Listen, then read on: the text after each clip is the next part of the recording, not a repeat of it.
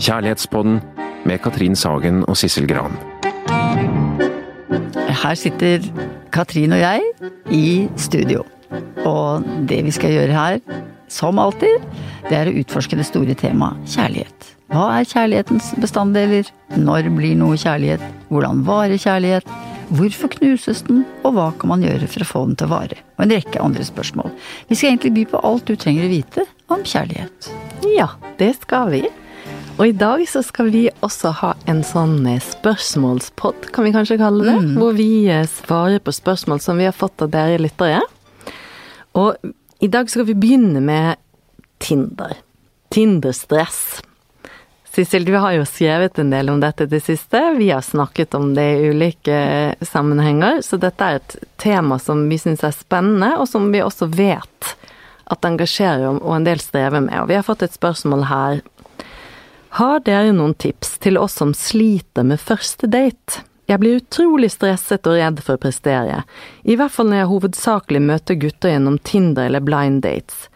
Glemmer litt at det faktisk er en person på andre siden av bordet som jeg skal like. Ja, dette kan vi jo godt forstå. Altså mm. Selv om jeg er oppvokst i en helt annen tid hvor det ikke fantes dating i Norge. Det er jo en amerikansk oppfinnelse som er blitt eh, importert til vårt land, og som nå er på en måte er integrert i eh, systemet her. Men jeg vet ikke hvor gode folk er på det. Mm. Uh, og det er kanskje ikke så rart. Uh, vi har ikke gode datingtradisjoner egentlig i dette landet her. Uh, og jeg tenker at det er ikke så rart at folk blir stresset for det å sitte på en date med en du ikke kjenner, som du har møtt på Tinder eller på annen måte. Mm. Altså det er som å være på audition. Altså mm. det er som, også som et jobbintervju, på en mm. måte. Og det som er nødvendig da, det er jo noen selvinstruksjoner. Altså noe man må fortelle seg selv. At man må desentrere, som vi psykologer kaller det. Altså du må være til stede, du må prøve det. Du må være interessert i den du sitter og snakker med, rett og slett. Og det, det er en måte å bli mindre stresset på. Altså, øh, og en annen måte å, bli mindre stresset på, det er jo å si at du er det. Mm.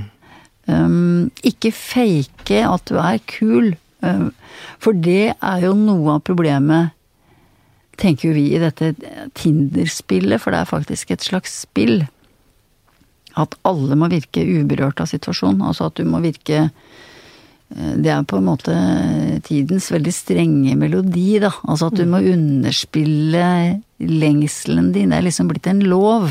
Altså at du eh, du må virke tilbakelent og kul selv om du er stresset innvendig. Og du må ikke være needy heller. Altså du må ikke være krevende. Eh, du må ikke virke sånn altfor ivrig. Eh, og altfor på. Du må uh, signalisere liksom, til den du sitter og snakker med og til hele verden 'Jeg har det kjempebra, jeg'. Mm. Uh, jeg trenger egentlig ingen, jeg. Mm. Jeg er bare på Tinder for å møte folk. Mm. Og det er jo håpløst. Ja, for da signaliserer du jo motsatt av det du trenger, og det treffer jo selvfølgelig da også motsatt på den andre, som om ja, her er jeg jo ikke trengt. Her er det jo ikke plass til meg. Her er det ikke plass til meg, nei. nei. For hun er jo helt eh, Eller han er jo ikke ute etter noen. Han har det jo, eller hun har det jo kjempebra i sin verden uten noen kjæreste. Ja, sant. Og da er det jo naturlig at det vekkes en sånn prestasjonsangst eh, inni der. Hvordan skal jeg klare å være bra nok når hun egentlig, eller han egentlig, ikke trenger meg engang? Mm. Da må jo jeg være mm. voldsomt perfekt. Så ja, begynner man med det òg. Ja, du er jo oppe til vurdering. Altså mm. du er jo oppe oppe til vurdering, eh, og dette skal gå ganske fort, ikke sant. Men jeg tror at en, en måte å komme litt ut av stresset på, da, det er at du er Prøver å være litt ærlig. Altså at du heller klargjør intensjonene dine, da. At du sier mer til den du sitter her og snakker med om hva du faktisk er ute etter, og at hvis du er ute etter et langtidsforhold eller ekte kjærlighet, da, for å bruke det ordet, så si det høyt. Jeg er ute etter et varig forhold, jeg. En ordentlig kjæreste. Og hvis du skremmer bort den personen som du da er på date med, så er jo det greit. Mm. Rett og slett fordi da kaster du ikke mer eh, tid bort på den personen. Fordi det som er ugreit, det er jo sånne usynkrone lengsler og behov. Altså hvor den ene kanskje bare er ute etter et ligg, eller bare noe mm. veldig kortvarig, eller bare er ute og snuser, mens du er ute etter noe varig. Få det på bordet. Mm. Opp på bordet med det. Nettopp, så det er veldig bra, for da siler vi rett og slett vekk der hvor den ene er ute etter noe helt annet enn det du selv er ute etter, så det er ikke noe farlig å flagge de ekte behovene, det er en Nei. god inngangsport. Mm. Så la oss si at du da har silt vekk, eller la oss si at du sier det. Eh, flaggebehovet, jeg er ute etter noe langvarig, jeg vil bare egentlig si det, for det er det jeg sitter med inni meg nå. Mm. og jeg vet ikke hva du driver med, men det er i hvert fall det jeg vil. Og så Ja. sier kanskje den andre ja, men det var jo deilig, for det er i grunnen jeg ute etter Ja, også. ja. Og så er dette sagt. Og så kommer La oss si at denne personen har gjort det, og så blir bare da blir jeg stressa og redd for å prestere. Hva kan vi gi vedkommende da, som en sånn et verktøy til sitt eget indre stress, når det da plutselig banker vedkommende i bakhodet, og det er nesten som man ikke klarer å være til stede, for man blir så redd for å ikke være bra nok. For nå har vi faktisk funnet en fyr som sitter her, vi har likt hverandre begge to, men vi vet ingenting om hverandre, vi kjenner hverandre ikke, men vi har i hvert fall klart å begynne å snakke om noe ordentlig, nettopp hva vi leter etter, og her leter vi etter det samme, så noe er liksom på gang, men så blir jeg så redd. Blir så stressa at jeg klarer ikke å tenke hva skal vi si til dem? Ja, altså det jeg tror, jeg tror at i det å klargjøre hva du er ute etter, så blir du mindre stresset. Og det er et har, Vi har jo et godt eksempel, fordi eh, jeg husker da vi var på Rockefeller og hadde loveshowet vårt der, så kom det opp i pausen så kom det opp en eh, ja, tre innmari søte jenter, hvor den ene sa 'jeg har gjort noe veldig modig'. Jeg har vært eh, Jeg var på en Tinder-date, eh, og da tenkte jeg hadde hatt så uflaks med mange, eller jeg følte at jeg aldri liksom fikk noe ordentlig napp. Og så sa jeg til han som eh, jeg traff, at jeg er ute etter en kjæreste. Jeg er ute etter et varig forhold. Hvis du ikke er det, så kan vi ta den kaffen, og det er hyggelig og sånn, men da nå, ja, så, Og det, vet du hva som skjedde? Han ble så lettet. Han ble så lettet over hennes tydelighet. Eh, Så det som skjedde da, det var at de to snakket sammen nesten en uke i strekk. Natt og dag. Og så ble de et par, og hun var så tindrende glad. Eh, Tinderglad. Tinderglad! Ja, Hun var så tindrende glad! Og, og, og hun sa at jeg hadde jo aldri trodd at det å være ærlig skulle hjelpe sånn, da. Og Så noen fint. Ja, det var ikke en fin historie? Fint, veldig Ja. fint. Mm. Så gjør det. Og hvis du er redd, så bare pust godt ned i magen, Mm. ikke sant. Og tenk at ja, men da kanskje det treffer med neste selvavsløring.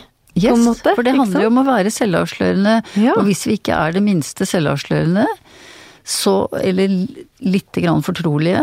Vi kan jo ikke pushe veldig sånn med en gang med et menneske vi ikke kjenner, men noe må vi gi. Noe må vi legge på bordet.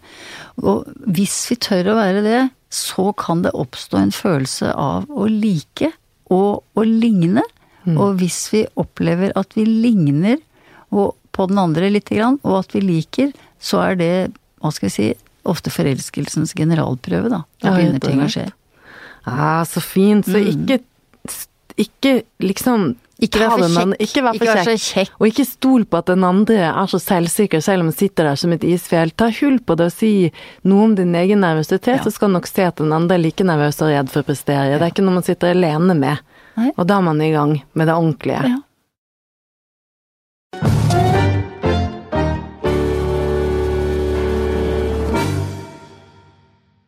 Jeg er flau over å si at jeg møtte kjæresten min på Tinder. Bør jeg være det? Nei, Nei! det er jo Må kjempebra! ja. altså, det er jo færre og færre som møtes liksom IRL i Mm. det virkelige livet, ikke sant. Og på Tinder så er det veldig få som virkelig finner en ordentlig kjæreste, så vi trenger suksesshistorier, altså. Mm. Fra det universet der. Og da, når to endelig har fått en match og blitt et par, så sier vi bare gratulerer. Mm.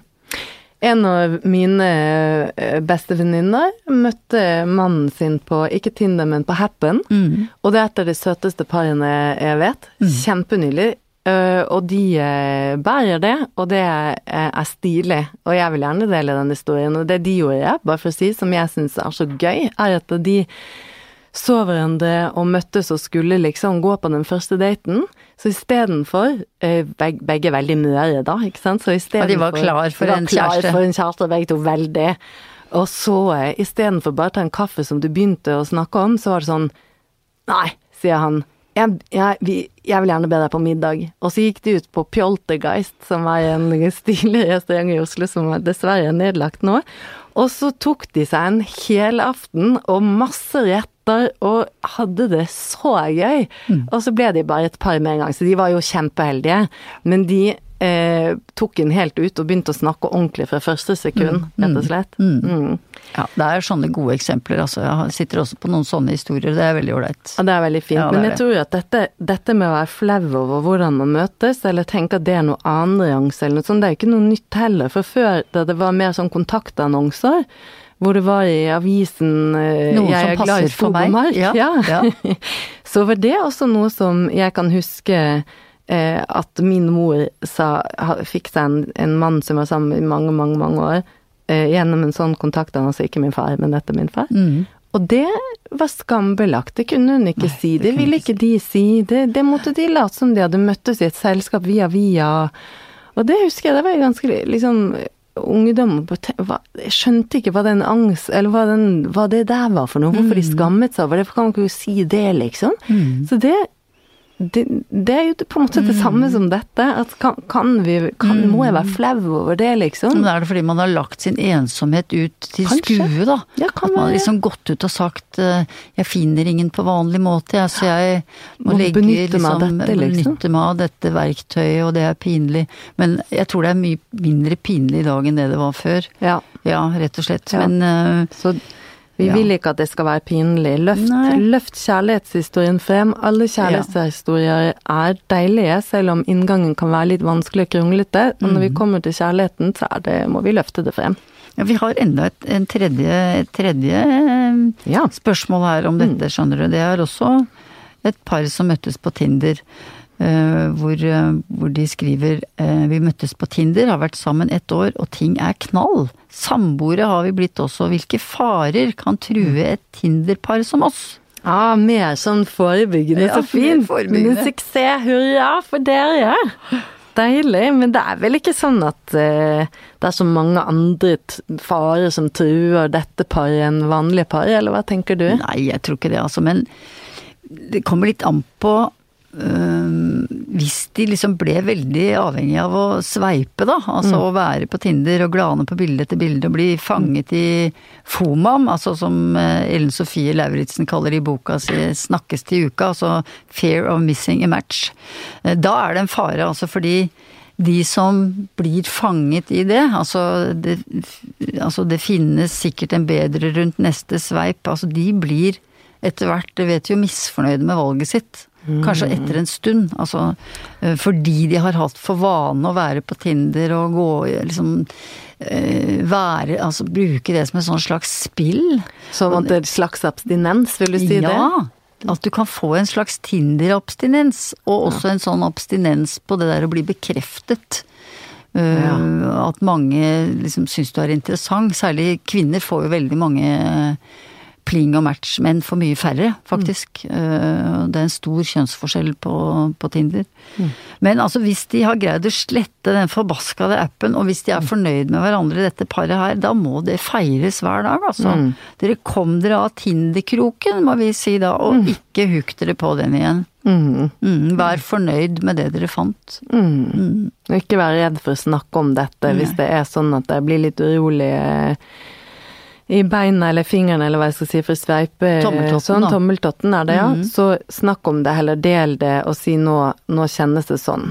Ikke sant? Å nei, da blir jeg redd. Ja, det skjønner jeg, men jeg sier det fordi at jeg vil ikke vekk fra deg. Jeg sier at jeg bare kjenner meg stresset, eller jeg har litt abstinens, eller noe sånt. Jeg skjønner ikke hva det er. Ja. ja. Mm. At da, da må dere skru opp litt sånn oppmerksomheten og ventheten mot hverandre. Ja. Og snakke litt om paret deres, og hvor dere vil, og hvorfor dere falt for hverandre. Det deilige dere har kjent på til nå. Mm rydde litt i parskapet, eller hva jeg skal kalle metaforen. For da, mm. da, er det ikke farlig lenger. Hvis man går med det der alene og kjenner på åh, kanskje må eh, er dette Særlig bra nok? hvis man får lyst til å, å, laste opp den appen igjen, ikke sant. Ja. Og får lyst til å sjekke ut fins det noe annet og noe morsomt der. Mm. Det er jo en form for utroskap, vet du. Ja. Rett og slett. Ja. I den verdenen der. Eh, Fordi da begynner man å lete igjen, og det, men det kan jo hende at det ikke nødvendigvis handler om at man er ute etter en ny partner, men at man er vant til den stimuleringen. Og den selvstimuleringen som det er å sitte og glane på det ene fotoet av andre personer etter det andre, ikke sant. Og det, for det er veldig mange Veldig mange som er på Tinder, bruker det som tidsfordriv. Det gjelder både kvinner og menn, unge og eldre. Øh, mange bruker det når de kjeder seg. Men hva skal man gjøre hvis man liksom kjenner at man har, At man har rykninger? Suge, eller hva jeg skal Mm. si? Hva, hva gjør man med det? Man må binde seg til masta, da. Mm. Uh, og kanskje si til kjæresten at du jeg har sånn uh, Tinder, litt sånn abstinens, ja. Hva er det det handler om, da? Kan du, uh, uten å skremme den andre så veldig, kanskje, at man kan kanskje Hvis man har hatt en lang karriere, da, på Tinder eksempel, så må man kanskje snakke om hvordan skal man bli kvitt abstinensen etter den lange karrieren der. Ja, for vi vil jo ikke at man skal gå fra Tinder til eh, Instagram eller noe annet sosialt medie bare for å få likes, som er liksom den samme måten bare bli sett på, eller liksom Mm. få noe sånn instant eh, anerkjennelse. Vi vil ikke at du skal bli fanget i det heller. Vi vil jo ha vekk den der telefonen. Ja, må det, altså, Men- du må nok yte litt aktiv motstand mot det, hvis du skal Ja. ha det godt i et eh, varig parforhold som ikke skal forstyrres av sånne ting som det hele tiden. Så det krever nok en form for, eh, hva skal vi si, en form for um, Disiplin, nesten. disiplin, ja. Og bevissthet. Å bli Ja. bevisst Ja. sin egen abstinens, Ja. og kjenne at det er det det er. Det er ikke at jeg får for lite oppmerksomhet i parforholdet, det er en litt annen type abstinens. For Ja. hodet mitt, For, hjernen, syns det der var så gøy. For før, da jeg kjedet meg, så drev jeg og soste bort halvannen time på Tinder med jevne mellomrom. Mm, før jeg traff deg. Mm, det er ganske alvorlig det vi snakker om nå. Det er en stor avhengighet i, Det det. i verden, som den Det er bare 50 har millioner mennesker på Tinder på verdensbasis, tenk på det. mm, 500 000 i Norge. Mange ja, som holder på med det der. Veldig mye. ja. Og den samme avhengigheten kan man få av å sitte på Instagram hvor det også er Mm. Fjes, fjes, fjes, fjes. Riktig. Mm. Nettopp. Så Ja, disiplin, okay. litt disiplin i kjærlighetens navn. Skal vi anbefale det? Ja. Mm, da gjør vi det.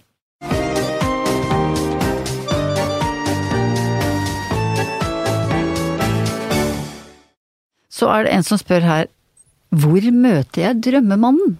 Katrin. Han finnes overalt.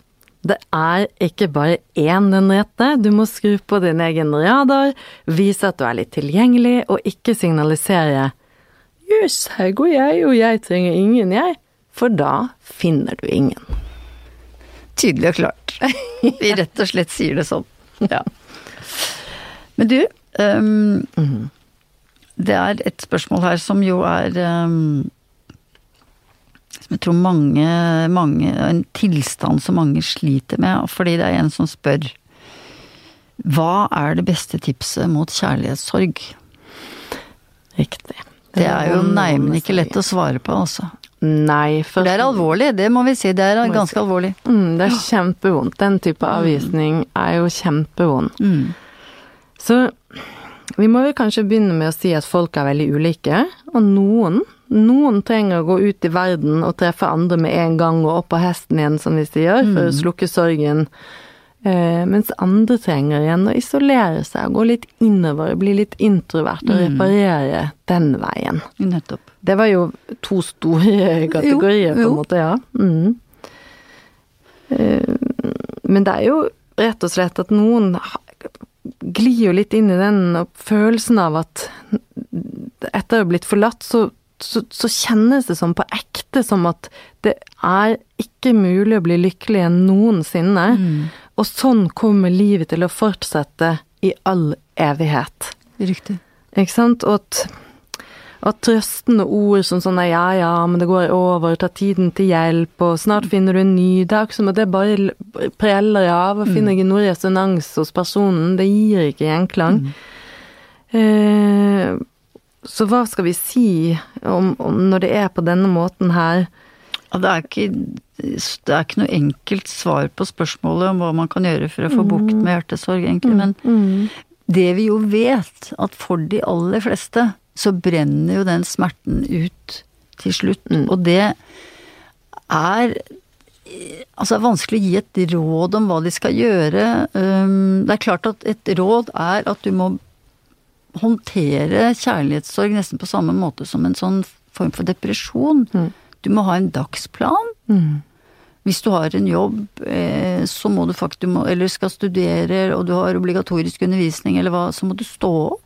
Mm. Du må ta en dusj. Du må kle på deg. Du må gå dit du skal gå. Du må sørge for å få i deg mat kanskje to ganger om dagen. Mm. Eh, Så går du kanskje hjem igjen og orker ikke noe mer, men da har du iallfall gjort det. Altså at du må, du må ha et prosjekt liksom, som skal gjennomføres hver dag eller hver uke. Um, Og du må snakke med noen. En venn eller venninne, eller kanskje en terapeut, eller moren din, eller en du er fortrolig med. Og så kan det være sånn godt å ha, lage seg et lite mann, eller en støttesetning, Ja, som kanskje kan være sånn Åh, sånn er det nå. Sånn nå. har jeg det nå. Nå er det så vondt å være meg, og dette er sånn det er nå. mm. Det skal ikke være sånn for alltid, men akkurat nå så er det faktisk sånn. Mm. Og trøste seg at ikke driver og kjefter på liksom å, dette må gå vekk, dette må gå vekk, for det tar det ofte litt lengre tid.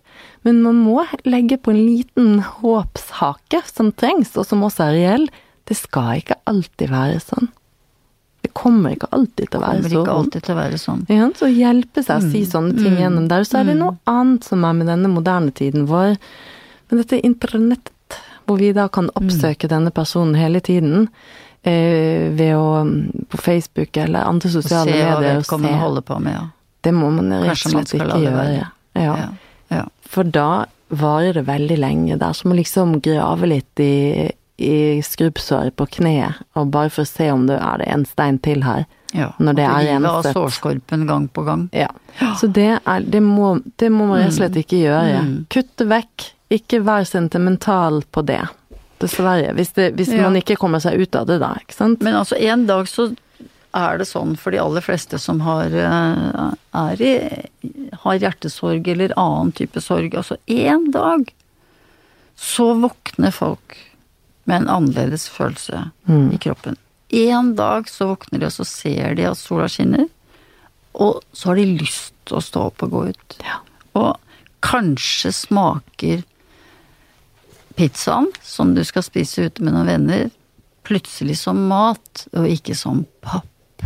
Ja. Og da er du på bedringens vei, og vennene dine har fått tilbake venninnen sin eller kameraten sin. Mm. Det er veldig vanskelig å si sånn til de som har kjærlighetssorg, for de tror ikke noe på det. Altså, så jeg tror at det å gi dem tid, og la dem få snakke og gråte, og på en måte være i reiret sitt en stund, da, Mm.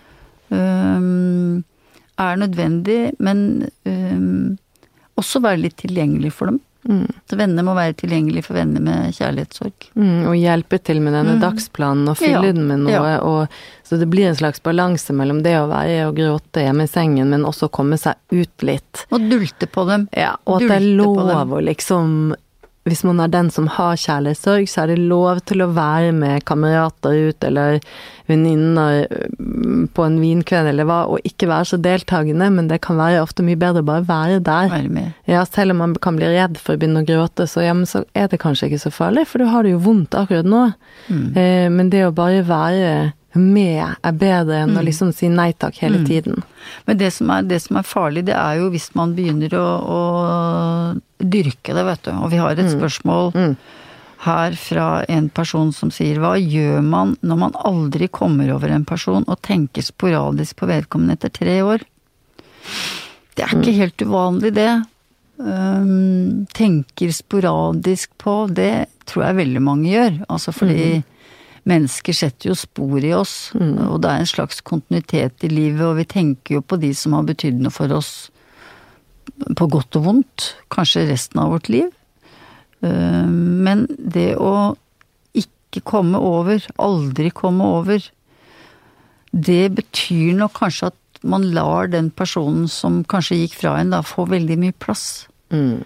Kanskje det da er litt sånn som du sier, at man er for ivrig etter å sjekke ut hvor er den personen i livet sitt nå.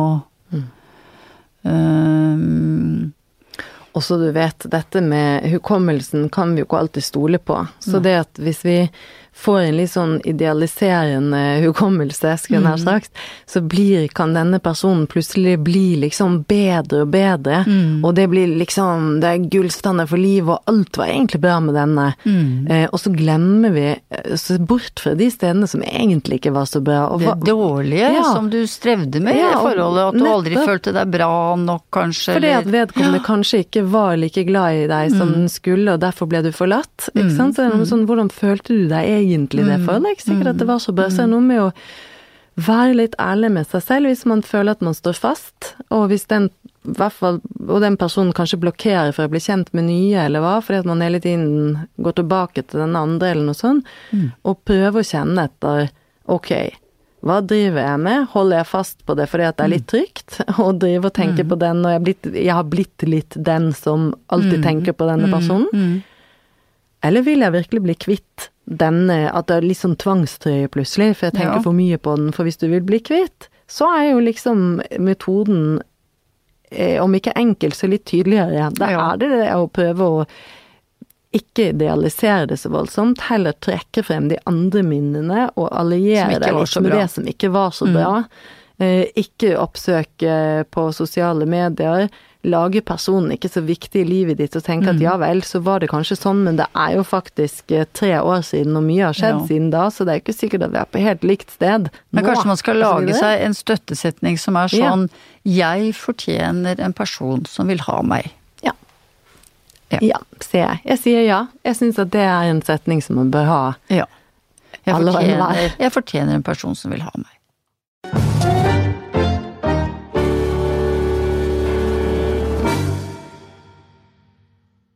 Her har vi et spørsmål som handler om det at det er vondt å ikke føle seg inkludert.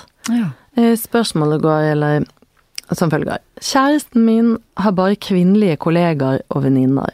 Han er ute med dem uten at jeg inkluderes, fordi de gjerne er studiegjengen eller lignende.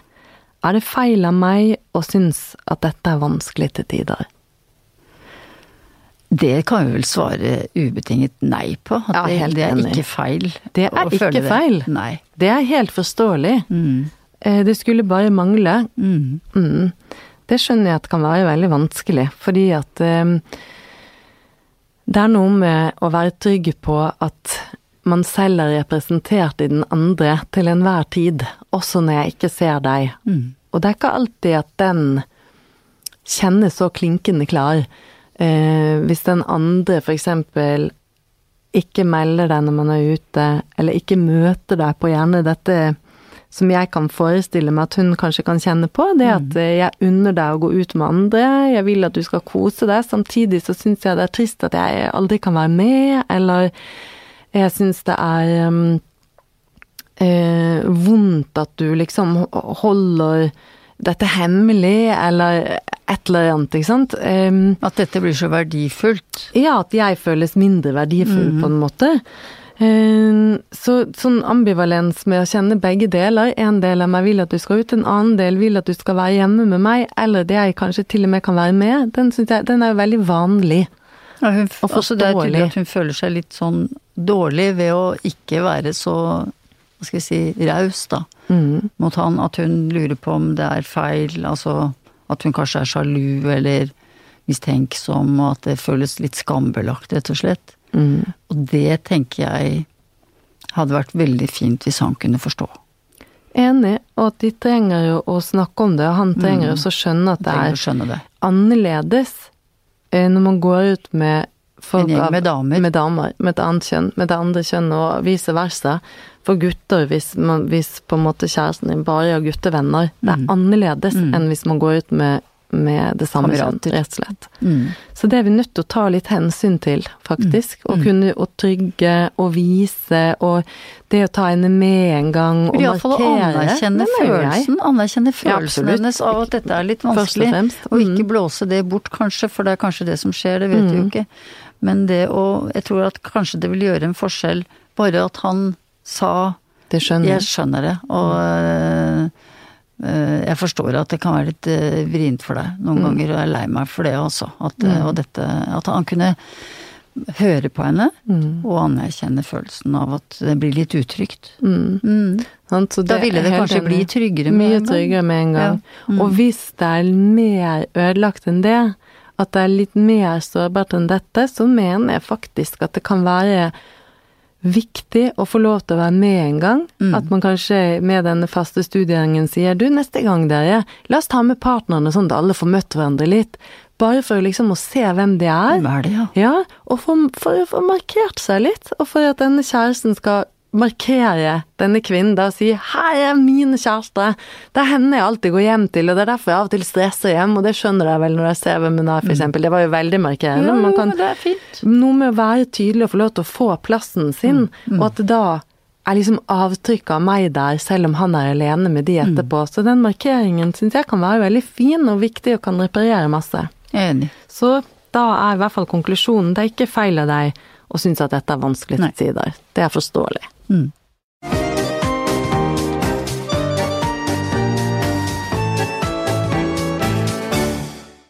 Det som eh, noen er opptatt av, og vi har et par spørsmål her eh, om det, det er liksom dette med å forstå seg selv og den andre bedre, og det er et spørsmål som går sånn. Eh, Jeg lurer på hvordan dårlig tilknytning, relasjon til far, eller kanskje også til mor, eventuelt påvirker kjærlighetslivet i voksen alder. Kan et parforhold bli mer utfordrende hvis begge to i forholdet har hatt dårlig relasjon til foreldrene, ikke fått nok kjærlighet fra foreldrene som barn? Det er jo et stort spørsmål. Mm. Det er et stort spørsmål, og Interessant for psykologer. Absolutt. Mhm. Her, her må vi passe oss så vi ikke får fem timers lang podkast. Ja, virkelig. Men vi kan prøve å, å svare litt, eh, litt på dette, for det er Mm. klart at det får jo Det gir jo et avtrykk. Mm. Og vi sier jo gjerne sånn, hvis vi skal si det litt enkelt og forståelig, men også riktig, dette at vi, vi, vi danner oss en slags forventning til livet knyttet til hvordan de tidligere relasjonene våre er. Som kan jeg stole på andre, er verden til å stoles på, og er jeg verdt å elske? Mm. Eh, og hvis svaret er tja eller nei på de fra tidligere av, så har man med seg det vi kaller for litt mer bagasje, hvor det kan, kan bli litt vanskeligere, og man Mm. kan streve litt mer inn i de nære relasjonene oppover. For det er litt, hva skal vi si, Ja. såre ekko, eller hva jeg skal si. Det er riktig. Mm. Det ser vi jo noen ganger eh, med par eller mennesker som kommer til oss i terapi, at de sliter med det vi kan kalle for tilknytningsskader av varierende alvorlighetsgrad. Mm. Hvor det å eh, ikke ha fått nok kjærlighet, da, som, eh, som det spørres om her, eh, kan gjøre at man enten blir veldig forbeholden Mm. i et parforhold, fordi man tør ikke ta sjansen på at man blir tatt imot. Så man kan bli litt unnvikende og øh, hva skal vi si ikke ha så store forventninger til øh, øh, at dette kan bli bra. Mm. Eh, Det kan jo påvirke forholdet veldig. At man er en som trekker seg mye unna. Den andre måten å reagere på hvis man har strevd med å bli tatt imot eh, da man var liten, det er jo at man kan bli veldig klamrete, rett og slett. Altså fordi man er så tolker alle signaler fra partneren som tilbaketrekningssignaler, eksempel. Mm, og avvisning. Avvisning, ja. Og at du kan bli veldig var for uh, avvisning. Og tro at ting er avvisning som ikke er avvisning. Mm. Sånn at man kan bli veldig pågående, eller gråte mm, mye og kjefte kanskje og bli redd, og, og bli en strevsom kjæreste. En anstrengende kjæreste. Vi vet jo at de som har en veldig usikker sånn, den type tilknytning, de får det vanskelig i parforholdet sitt, og de forholdene der, der er det strevsomt å være for begge parter. De, så de trenger ofte hjelp. Mm. Så det er klart det er riktig eh, Det setter spor, men altså det som er veldig Som er den gode nyheten, Ja. det er jo det at eh, parforholdet er på en måte det beste terapeut du kan få. At hvis du er utrygg, da, og du er så heldig at du finner en partner som er trygg, og som skjønner dette her, Mm. så kan du bli mindre utrygg. Fordi du kan få mer tillit til at du har vært noe, du kan få mer tillit til verden. Og du kan kanskje bli mindre unnvikende eller mindre klamrete og, og bli et bedre menneske. Ja, sant. Og hvis dette, som hun skriver her, eller at begge, begge har med seg denne bagasjen, så man da ikke møter en som er trygg, men da kan man faktisk gjennom parforholdet sitt bli trygge sammen. Nettopp kanskje da man må få litt hjelp til det, for det er mange perspektiv og mange tråder å holde i når man jobber med dette. Men det er ikke, det er ikke sånn at man går 100 år i terapi, men man trenger litt sånn dytt og hjelp til å forstå liksom disse dynamikkene som oppstår i parforholdet når vi blir redde og strever. Og får vi det, får man det, så kan disse parene gjenopprette en helt annen trygghet og en annen plattform enn det de hadde med seg fra før. Ja, helt riktig. Ja. Så er det noen par, det har vi jo sett noen ganger, som har hatt det dårlig. Altså hvor begge parter har hatt det dårlig. Hvor parforholdet blir en havn. Altså hvor det blir eh, det som eh, en eh, forsker som heter Judith Wallerstein kaller for rescue marriage, altså et redningsekteskap. Hvor du føler at den andre reddet deg. Altså hvor begge parter føler at du reddet meg fra ensomhet og, eh, og dårlig selvfølelse og, og mistro til verden. Men på grunn av deg så har jeg fått tilbake troen på både meg selv og verden. Så det kan være to skadeskutte som faktisk kan få det bra. Ja, og som endrer seg, så vi skal ikke liksom gå i Ja. kjelleren hvis man tenker at jeg har med meg litt bagasje, Nei. eller masse bagasje for den saks skyld. Eh, men vi skal anerkjenne at det, det gjør det strevsommere, men det er ikke skadet på, på, på livet på den måten at da må du være ensom, eller da kan du aldri få til parforhold eller nære relasjoner. Nei. Nei. Nei da, så det, vi må være klinkende klare på det at alle må ikke ha hatt en supertrygg eh, bakgrunn, oppvekst og barndom for å få til et bra forhold. Sånn er det ikke Sånn er det ikke. Men da går vi se at vi går inn i det neste, som er her. Tror dere at verden blir et bedre sted hvis alle som er i forhold går i parterapi? Hvorfor? Eller hvorfor ikke? Det er jo veldig god. Dette er det siste spørsmålet vi skal svare på i dag, tror jeg. Altså. ja, vi må ta dette. Ja, hva skal vi si? Altså det Svaret er ja. Jeg tror at veldig mange ville hatt så godt av en skikkelig utvasking hos en flink parterapeut, for folk Ja. roter og surrer og skjønner ofte veldig lite av hverandre og seg selv. Ja. Og misforstår og havner i sånne grunnscener og rundløyper eh, av verste merke, som egentlig er eh, bagatellmessige saker. Altså, og det, det å få hjelp til å vrikke seg ut av sånne grunnscener før de har liksom blitt hugget i stein, det er ikke dumt. Så det å ta Forebygge litt, og kanskje ta tre timer, spandere det på, hos en parterapeut. eh, Gjerne emosjonsfokusert, vil ja, si. Gjerne emosjonsfokusert Ja. parterapeut før ting skrur seg til veldig. Det er ikke dumt. Så jeg tror eh, mer selvforståelse og, og mer raushet overfor den andre, det ville nok skape en bedre verden, ja. Ja, det skal vi avslutte med i dag. Jeg kunne ikke vært mer enig. Og det betyr selvfølgelig ikke at alle må gå i 100 år i terapi, så det er også understreket, men absolutt hopp i det. Noen ganger er én time nok. ja. Noen ganger er én millimeter nok, eller hva den sangen er. Det var det, ja. ja. Men da skal vi si takk for at du har lyttet til oss i dag. Og um, du finner oss på Facebook, og du finner oss på Instagram. Og send oss veldig gjerne spørsmål, enten til podden eller til spalten vår i VG. Samlivet.vg.no kan du skrive til oss. Da kommer dere etter oss, og vi ser om det er pod eller spalte. Spiller ingen rolle. Og du kan laste oss ned på Spotify nå, eller iTunes, eller fra VG, eller hvilken app du skulle like å bruke. Ja. Takk for i dag. Takk for i dag.